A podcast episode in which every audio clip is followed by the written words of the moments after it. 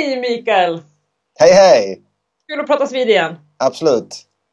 Eh, jag tänkte faktiskt att jag skulle få bestämma ämnet idag. Ja. Och jag tänkte att sist vi pratades vid så pratade vi ju pengar. Mm, just det, det gjorde vi ja. Mm. Ja, och då tänker jag att eh, då är det kanske läge att vi pratar om känslor. Jaha, jag trodde du tänkte prata om eh, ja, skilsmässor då ja, typ. pengar och skilsmässor. Nej, men känslor. Jag tänkte så här, om du lyckas digitalisera och skapa information av eh, vå- våra pengar så kanske vi kan göra samma resa då utifrån känslor. Absolut. Och jag tänkte faktiskt börja med det här med att den 8 juli, eh, alltså för några dagar sedan, så skrev eh, Instagrams eh, Head of Instagram då, Adam Mosseri, på deras blogg att de ska rulla ut en ny funktion. Att med hjälp av AI ska de få folk att reflektera på sina inlägg eller kommentarer på Instagram innan de postar dem. Framförallt identifiera hatfulla kommentarer eller väldigt Ja, ja. eh, elaka kommentarer. Det här är inte första gången vi hör om olika AI-teknik som ska hjälpa till att analysera våra språk utifrån känslor. Och eh, att de ska då lära sig utifrån våra språk och identifiera då hate speech eller Mm, hat, mm. hatfulla kommentarer. Eh, vi har ju sett teknik gå åt andra hållet. När AI, ja. Men du menar alltså så att de, de- ska rulla ut en funktion som modererar liksom och tar bort de värsta sakerna då, låter det som. Alltså ungefär. Förstår det. Nej, de ska faktiskt inte, inte moderera och ta bort utan det är mer att när du, när den AI-systemet då, som jag förstått det, eh, så AI-systemet identifierar en kommentar som du skriver som hatfull. Att du använder kanske mycket stora bokstäver eller att du använder svordomar eller många utropstecken och liknande.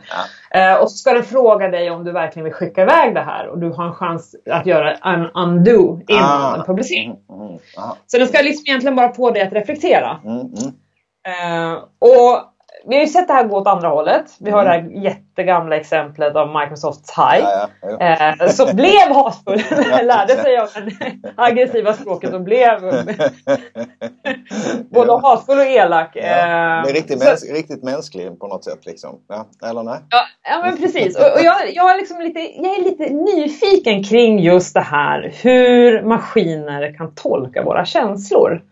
Eh, och hur maskiner kan uppfatta våra känslor. Eh, det finns ju annan teknik som inte bara eh, identifierar språk.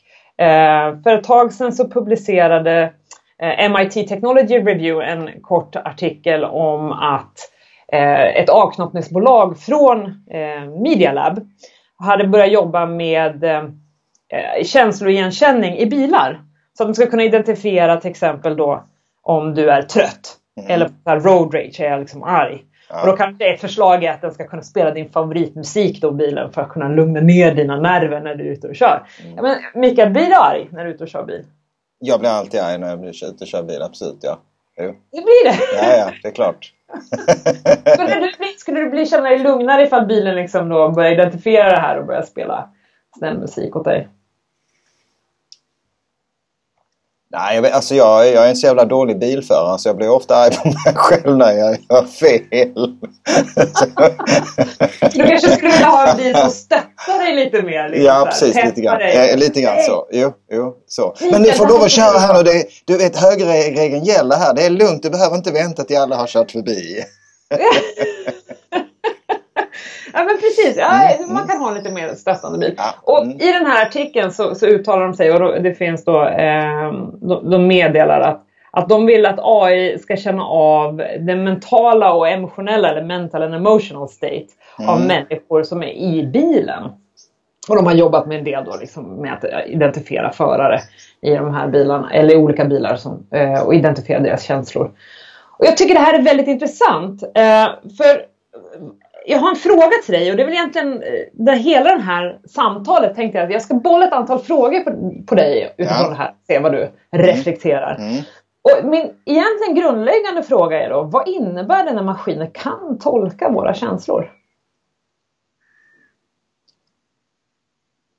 Vad, vad Ja, ser du för förändring? Ja. Ja, men alltså det, det finns ju liksom, alltså jag, jag tror det finns åtminstone två sätt att tänka på det där. Det ena är ju liksom att, att eh, maskinerna kan eh, tolka vårt beteende. Som kan, alltså om, exempelvis om jag blir arg så kanske jag börjar vifta med händerna. Ah, så här då. Så då kan ju Mm. maskinen tolka detta beteendet då att jag på något sätt gör att jag beter mig på ett sätt som tyder på ilska eller jag ser arg ut i uppsynen. Liksom, Mm. så här, liksom.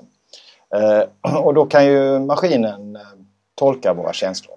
Mm. Det finns redan idag AI-system som baserat på kameror som bara alltså, tittar eh, på dina ögon och kan avgöra din personlighet. Liksom. Mm. Det är också ett, ett externt, eh, liksom, alltså den kan tolka din personlighet.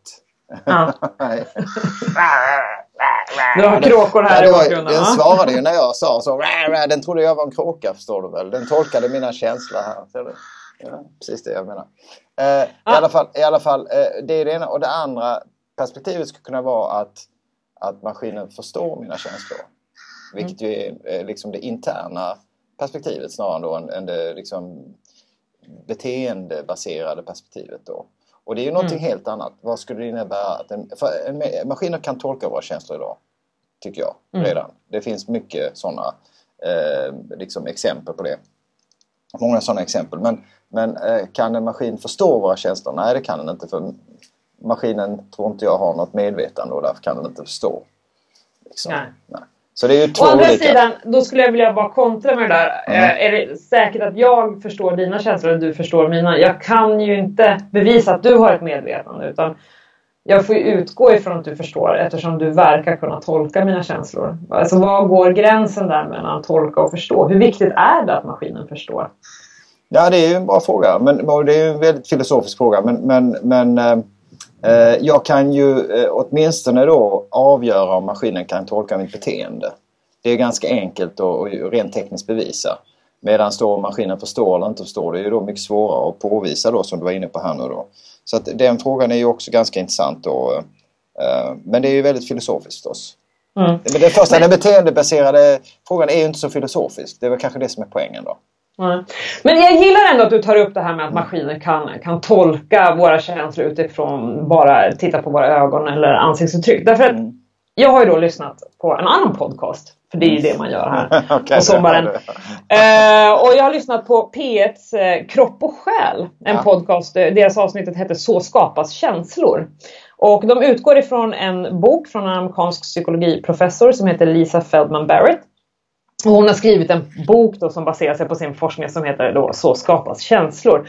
Och hon har ju, jag har inte läst boken, jag har bara lyssnat på podcasten så nu är jag ju viss begränsning i min kunskap i vad, vad den forskningen Men du har ändå en känsla för den lite grann om man säger. Ja, lite grann. Eh, ja, det var ju en intervju med henne bland annat då och sen var det en journalist och en, en, en annan eh, forskare som gick igenom då vad hennes resultat var. Men det var ganska intressant för, för tydligen har ju hon då vänt lite upp och ner på, på den här forskningen vad känslor är. Och hon menar på att de inte är förprogrammerade.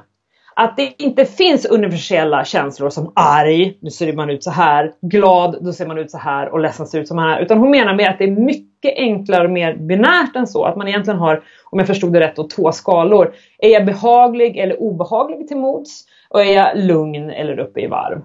Och utifrån det här då så skapar vi själva känslor. Så alltså känslor är en form av konstruktion och inte en reaktion. Det är på så sätt vi konstruerar vår värld och inte reagerar på vår värld. Eh, och det här skulle då betyda att vi har mycket mer kontroll eh, men också mycket mer ansvar i vilka känslor vi har och vilka känslouttryck vi ger ifrån oss. Och då tänker jag och tillbaks då på våra maskiner här då. Eh, hur, hur kan människor då, eller maskiner förlåt, hur kan maskiner hjälpa oss att få kontroll? Till exempel på road rage. Om de då analyserar våra ansiktsuttryck eh, och det inte går att se ilska i ögonen utan det här inte är något universellt. Hur kan maskiner då hjälpa oss? Och kan de tolka fel? Mm. Ja, det, det är klart, de, eh, om du frågar mig så tror jag de kan alltid tolka fel förstås. Så att det finns ju alltid en felprocent här precis som jag kan tolka eh, dina känslor fel. Eh, alltså du kanske ge, har ett minspel som inte jag är riktigt eh, bekant med av någon anledning. Eh, du kommer Mm. från ett annat land, en annan kultur eller något sånt. Eh, och skrattar väldigt mycket när du blir arg till exempel. Mm. Och jag, jag tolkar det som att du är glad men i själva verket så skrattar du för du försöker undertrycka din ilska Mm. helt enkelt. Eh, Eh, så att det är klart att maskiner kan ju också feltolka precis som jag kan göra, det tror jag absolut. Eh, samtidigt tror jag att maskiner har ju då om vi pratar om eh, liksom då AI-system så har de ju då fördelen mm. av att de har ju möjlighet förmodligen kanske då få tag på väldigt många människor. Och, och så, så har de liksom ett, en hive, ett hive mind så de kan ju då poola sina erfarenheter då. Så att, eh, jag tror att maskiner egentligen har ganska stor möjlighet att lära sig att tolka även variationer i tjänsteuttryck då. Kanske bättre än vad människor har faktiskt. Um, faktiskt. Mm. Mm.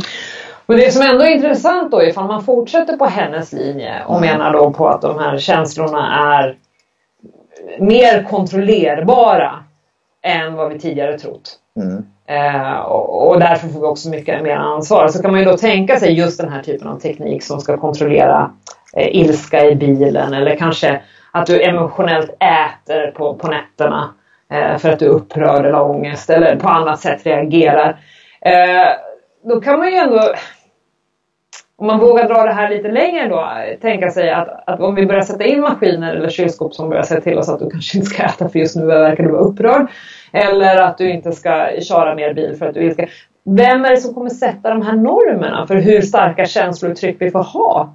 Och vilka känslor vi ska uttrycka i, i olika lägen? Kan vi se en reglering av våra emotionella liv med hjälp av digitalisering? alltså om, om, man, om man tänker så här att uh, känslor är, uh, enligt den här personens vars bok du inte har läst då, uh, är konstruerade. Lisa Feldman Barrett. Lisa Feldman Barrett. Mm.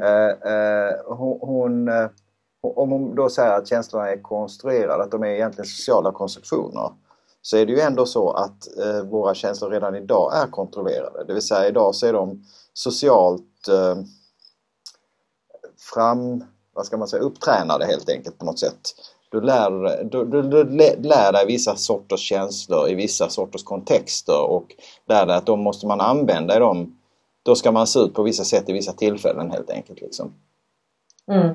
Eh, och, och, och, och, då är de ju redan kontrollerade så att, så att det är ju liksom en flytande skala. Så att det är klart att ja, om de är socialt konstruerade eh, så är, kommer de att fortsätta att vara socialt konstruerade även om då är det maskiner som kanske börjar sätta de kontexterna för hur vi konstruerar våra känslor helt enkelt. Då. Eh, och det skulle inte förvåna mig om, om vi tänker på en allmän automatisering av samhället och maskiner liksom sätter fler och fler kontexter för andra saker så varför inte känslorna också då i så fall? Det är väl tänkbart. Och det är klart att eh, ju längre ner i åldrarna man går med det där, om du tänker dig att vi har sån här liksom sån här röst, sån här eh, smart högtalare i, i, bar, i barnkammaren liksom. Mm.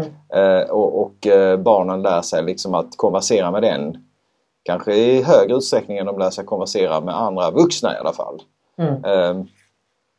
Så kanske de lär sig de kontexterna från maskinerna då, och då blir det maskinerna som så att säga sätter de känslouttrycken och de ramarna för vilka känslor som vi kan känna och inte känna kanske då. Mm. Också intressant ifall man då tänker att maskinerna blir bättre på att avläsa våra känslor än, än kanske våran omgivning eh, gör att vi kanske inte behöver ge lika starka känslointryck utan maskinerna fångar upp det här mycket lättare än människor. Så man kan också tänka sig att, att vi blir, eh, hur ska man säga, avtrubbade. Eh, eller hur ska man säga? Vi blir mer diskreta i våra sätt att visa våra känslor för vi är vana att just den här eh, högtalaren vi har i barnkammaren fångar upp intentioner långt innan eh, andra människor eller människor skulle göra det. Mm. Ja men det är en intressant tanke. Men, eh, och det är klart att det, det spektrat finns väl idag också. Det kanske är så att man tycker att vissa människor ah, den eller den förstår mig mycket bättre än alla andra. Liksom. Det kan ju vara för att den personen är, är mer eh, lyhörd för eh, eh, mina känslor på, på något sätt. Mm. Och det, det, kan ju vara så att maskinerna då, att vi börjar tycka att maskinerna faktiskt förstår oss bättre än människor då för att mm. maskinerna blir mm. mer lyhörda. Ja, men och det här, nu är vi inne på något som jag också tänker. Jag tänker maskiner som companions eller då, mm. Mm. vad heter det på svenska? Medlevnads partners. Eh, partners. Mm. Ja, jag partners. Tack så mycket. Mm. Eh, och, och, just det här att om vi har de maskiner som förstår mig, som kan avläsa mina känslointryck eh, eller uttryck och som också kan ge mig lagom mycket motstånd. För vi gillar ju egentligen inte som människor att leva med totala ja-sägare utan vi behöver ju någon som utmanar oss lagom mycket. Mm. om vi får system, AI-system som faktiskt kan ge oss lagom mycket motstånd, som kan uppmärksamma våra känsloförändringar, våra känsloregister eh, och som kan ge oss både bekräftelse eh, och utmaningar i lagom takt. Hur svårt kommer det inte då att umgås med människor som inte har den här känsligheten i, i vad jag förväntar mig och, och vad jag behöver. Det måste ju bli otroligt mycket mer omständigt att umgås med människor som inte ger mig den responsen som är perfekt skapad utifrån mig som har i systemet att göra. Mm. Jo, absolut. Det är en utmaning. Jag tycker redan i en del studier som, eh, som jag har varit med och gjort um, har vi ju liksom sett där och du har också varit med i några av dem tror jag där vi har tittat på sådana saker om um, uh, till exempel att behålla hemligheter. Det mm. tycker folk redan att maskiner är bättre på, eller då AI-system är bättre på än, än, än människor exempelvis. Mm. Så, att, så att det finns ju redan saker som folk eh, hellre anförtror till maskiner än, än till människor. Och eh, det är klart att eh, det, kan ju, det, det, det, kommer ju fortsätta kanske att utvecklas åt det hållet då. Så att det är absolut en, en risk tror jag att, att mm. det blir för jobbigt att ha med människor att göra helt enkelt. Minns jag rätt? En, det var en studie som gjordes som jag inte var med i, eh, som jag tror var om, om sjukvård. Att eh, människor ansåg att i vissa fall att det skulle vara lättare att anförtro sig om, om psykologiska eh, besvär till en AI istället för en människa. Jag har haft för mig att det inte var psykologiska besvär utan sjukdomar eh, i allmänhet. Alltså att eh, eh, om du tänker dig att du har någon, eh, du, du kanske liksom eh, tror att du har någon form av smittsam herpes till exempel. Mm. Ja, just det. Eh, och, och, och uh, orolig för detta, då kanske det är lättare att fråga liksom en, en AI om jag har de här symptomen, är detta verkligen herpes? Än att fråga mm. din, din, din mänskliga partner exempelvis då som kanske, kanske då börjar ifrågasätta hur du har fått den här herpesen i så fall och så vidare. Ja. Mm. Så, så att, eller som kanske Eh, eh, berätta det för någon annan och så vidare. Det kanske inte är din partner utan en kompis och frågar en kompis en, en, liksom, eh, ja, i förtroende. Liksom, kan jag, är det så att jag har fått herpes här nu? har jag varit ute och festat lite för mycket de senaste veckorna. Liksom. Mm. Eh, och sen så berättar vederbörande vidare för alla andra kompisar. Eh, och så blir man stämplad som ett eller annat. Liksom. så att den sortens oro har människor då för, för andra. För, för, även för nära och kära och kompisar och vänner och så vidare. Men mm. kanske inte för maskiner då. Samtidigt, ja. samtidigt som eh, vännerna glömmer kanske men maskinerna glömmer kanske aldrig. Så det är inte säkert att den, det, det förtroendet är välgrundat men, men det verkar finnas där. Ja precis. Mm. Ja, jag, tycker det här, jag tycker det här är oerhört intressant. Eh, ett exempel där jag hade velat att mina känslor skulle få eh, utrymme men där jag pratade med någon, det hade varit väldigt mycket trevligt ifall den personen inte hade haft några känslor. Eh, jag flög eh, från Bukarest ja. via Wien eh, till, eh, till Stockholm. Mm. Och eh, ingen flygskam här tyvärr. Ja. Eh, men, men det var jobbet får man väl ursäkta sig med. och mitt första flyg var försenat. Mm. Så att jag missade mitt connecting flight, eller mitt, mitt andra flyg upp till mm. Stockholm. Mm. Och springer med andan i halsen, har gjort allt för att försöka hinna med eh, och kommer då till en, en informations... Eh, vad heter det? Information desk. Nu blir jag... Ja, ja, jag förstår vad du menar. Ja. Mm, mm. Och kommer dit och är ju frustrerad. Jag måste hem, jag har barnen hemma, min man ska åka till Tyskland så att vi har liksom en ganska tight eh, överlappning där för att liksom inte barnen ska behöva vara ensamma hemma. De är ganska stora men ändå. Uh, och jag är stressad och jag kommer och har den här frustrationen i kroppen över att jag sprungit och, och liknande. Och kvinnan jag möter i informationsdesken då, hon är otroligt känslig. Så hon tror att min frustration är på henne. Ja, ja, ja. Mm. Och intar en försvarsposition. Mm. Och börjar avbryta mig när jag säger jag måste komma hem, jag har bråttom, eh, det här liksom funkar inte. Nej och, och, och blir i det närmsta aggressiv mot mig. Varpå jag bemöter henne med att säga så okej okay, jag förstår att det här är inte är ditt problem men du behöver inte vara otrevlig mot mig. Och så blir det till slut liksom nästan ett gräl om huruvida hon eh, är trevlig eller inte. Eh, och där kände jag, där hade det varit otroligt mycket skönare att möta en robot som kunde identifiera mina känslor, hjälpa mig så gott det gick. Nu fick jag ju sova över i, i, i Wien då.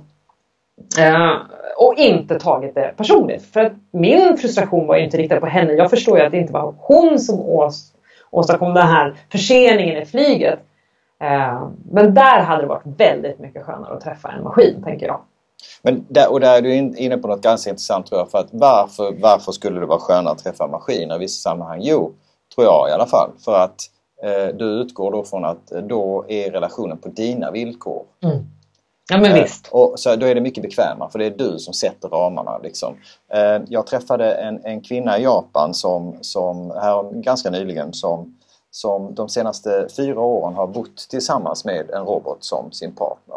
Den mm. Softbank-roboten om du har sett den. Eh, yes. Ja.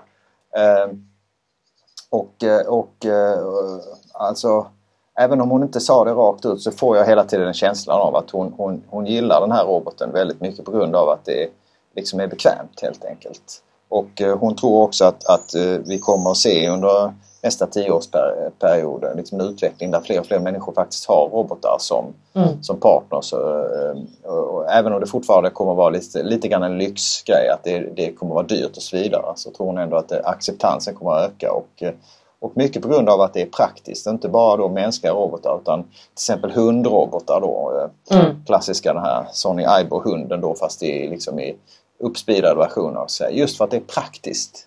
Eh, mm. För att du kan få liksom de positiva sakerna av den här relationen utan att behöva dras med de negativa. Och det var ju de du tog upp här nu då att liksom mm. den här, den här eh, personen i informationsdisken där liksom hon vill ju ha en relation på sina villkor istället för på dina mm. villkor plötsligt där då. Och det är ju ja. jävligt irriterande. och det, återigen så kanske vi kommer tillbaka till den här att det blir då så mycket lättare att ha en relation med någon som, som kan läsa av mig och ge mig den här men, interaktionen på mina villkor. Men, men hur, hur vet du att det kommer vara på dina villkor? Det är ju liksom, tycker jag, den springande problematiken här då. För att, för att det är klart att om nu roboten vill ha relationen på sina villkor mm. så kommer roboten att se till att få dig att tycka det, att det är på dina ja. villkor. Det blir som en form av nudging. Och, ja, och vem är det då som... förflytta mig. Och om vi då, om vi då eh, liksom eh, så att säga parkerar den här diskussionen om medvetande och sånt och säger att det ja. kanske finns ett annat medvetande också med i spelet här, det vill säga tillverkaren av roboten i alla mm. fall. Då, eh, som kanske har vissa motiv med att du ska använda mm. en, en robot från deras produktions, eh, från, deras fabrik istället för en robot från någon konkurrerande företag. Liksom och så vidare. Mm. Så finns det ju liksom några bakomliggande motivationer där som kanske då i själva verket eh, påverkar det ganska mycket. Mm. Det, det, det, den diskussionen tycker jag liksom saknas ofta i den här eh, debatten tyvärr. Då. Och det, absolut, och jag håller helt och fullt med dig. Och då återigen om vi då kommer tillbaks till det här med känslor. Mm. Eh, om då de här systemen och maskinerna har möjlighet att inte bara tolka utan även inspirera mina känslor så är vi tillbaks där. Vem är det som kommer om mina känslor digitaliseras ja. och uppfattas av ett maskinsystem som sen i sin tur förvandlar det här och agerar utifrån det här och kanske då i förlängningen också kan styra mina känslor. Vem är det som då har tolkningsföreträde och vem som kan också driva mina känslor eh, i en viss riktning? Mm. Och, och, det är en väldigt viktig fråga. Ser du, ser du att våra tjänster kommer att digitaliseras? Kommer det bli information i framtiden? Uh, ja, som sagt alltså kan, kan, vi, kommer vi kunna skicka känslor över internet? Liksom? liksom. ja, kanske. Alltså, who knows? Ja, men om, om, om jag kan tolka och om jag kan tolka, påverka andras känslor. Tolka är ett sätt att digitalisera dem menar jag. Ja. Men om, om, om, de blir, om känslorna i sig, kan ilska bli information i det perspektivet att du kan skicka det via liksom eh, via e-mail. Liksom. jag vet inte. Men, men, men, men, men alltså absolut så tror jag det, det, kommer att ske väldigt mycket på det hållet. Jag, jag, läste en bok om Allan Turing som jag tycker var ganska intressant. Eh, mm. Allan Turing var ju liksom med och startade egentligen hela AI-forskningsområdet från början då. Och, och eh, han var egentligen väldigt intresserad av eh, käns maskinernas känsloliv. Mm. Men, och den här boken handlar i hög utsträckning om att, liksom, påvisa hur liksom det, den sidan av hans forskning liksom har, hade blivit liksom, eh, bort, eh, nerprioriterad helt enkelt genom, mm. eh, AI-forskningens liksom, eh, historik efter honom då. Eh, och, och att det kanske inte förrän nu som man verkligen börjar ta upp det där igen på riktigt allvar. Då. Så, att, så att det, är väl, det är väl ett område som har varit nedprioriterat kanske ganska länge då som, som jag tror är väldigt, väldigt eh mycket på gång just nu då helt enkelt. Eh, men kan vi digitalisera tjänsterna sen? Ja, ja, men jag tänker om du har då eh, om du har den här avläsaren i bilen ja. som ska kunna hjälpa dig att bli lugnare när du blir arg på dig mm. själv. Mm. Eller som kan peppa dig när du är själv. Uh, om jag kan avläsa dina känslor och tolka dina känslor och få också ha möjlighet att påverka dina känslor. Ja. Utifrån, utifrån den situationen, kontexten du befinner dig i och utifrån de uttryck du själv ger. Är inte det en form av digitalisering av dina känslor? Jo, det är det. Alltså, det, är det. Men det är en analys av känslan som, som vi ah. kan digitalisera. Men är det en digitalisering av känslan Och en påverkan?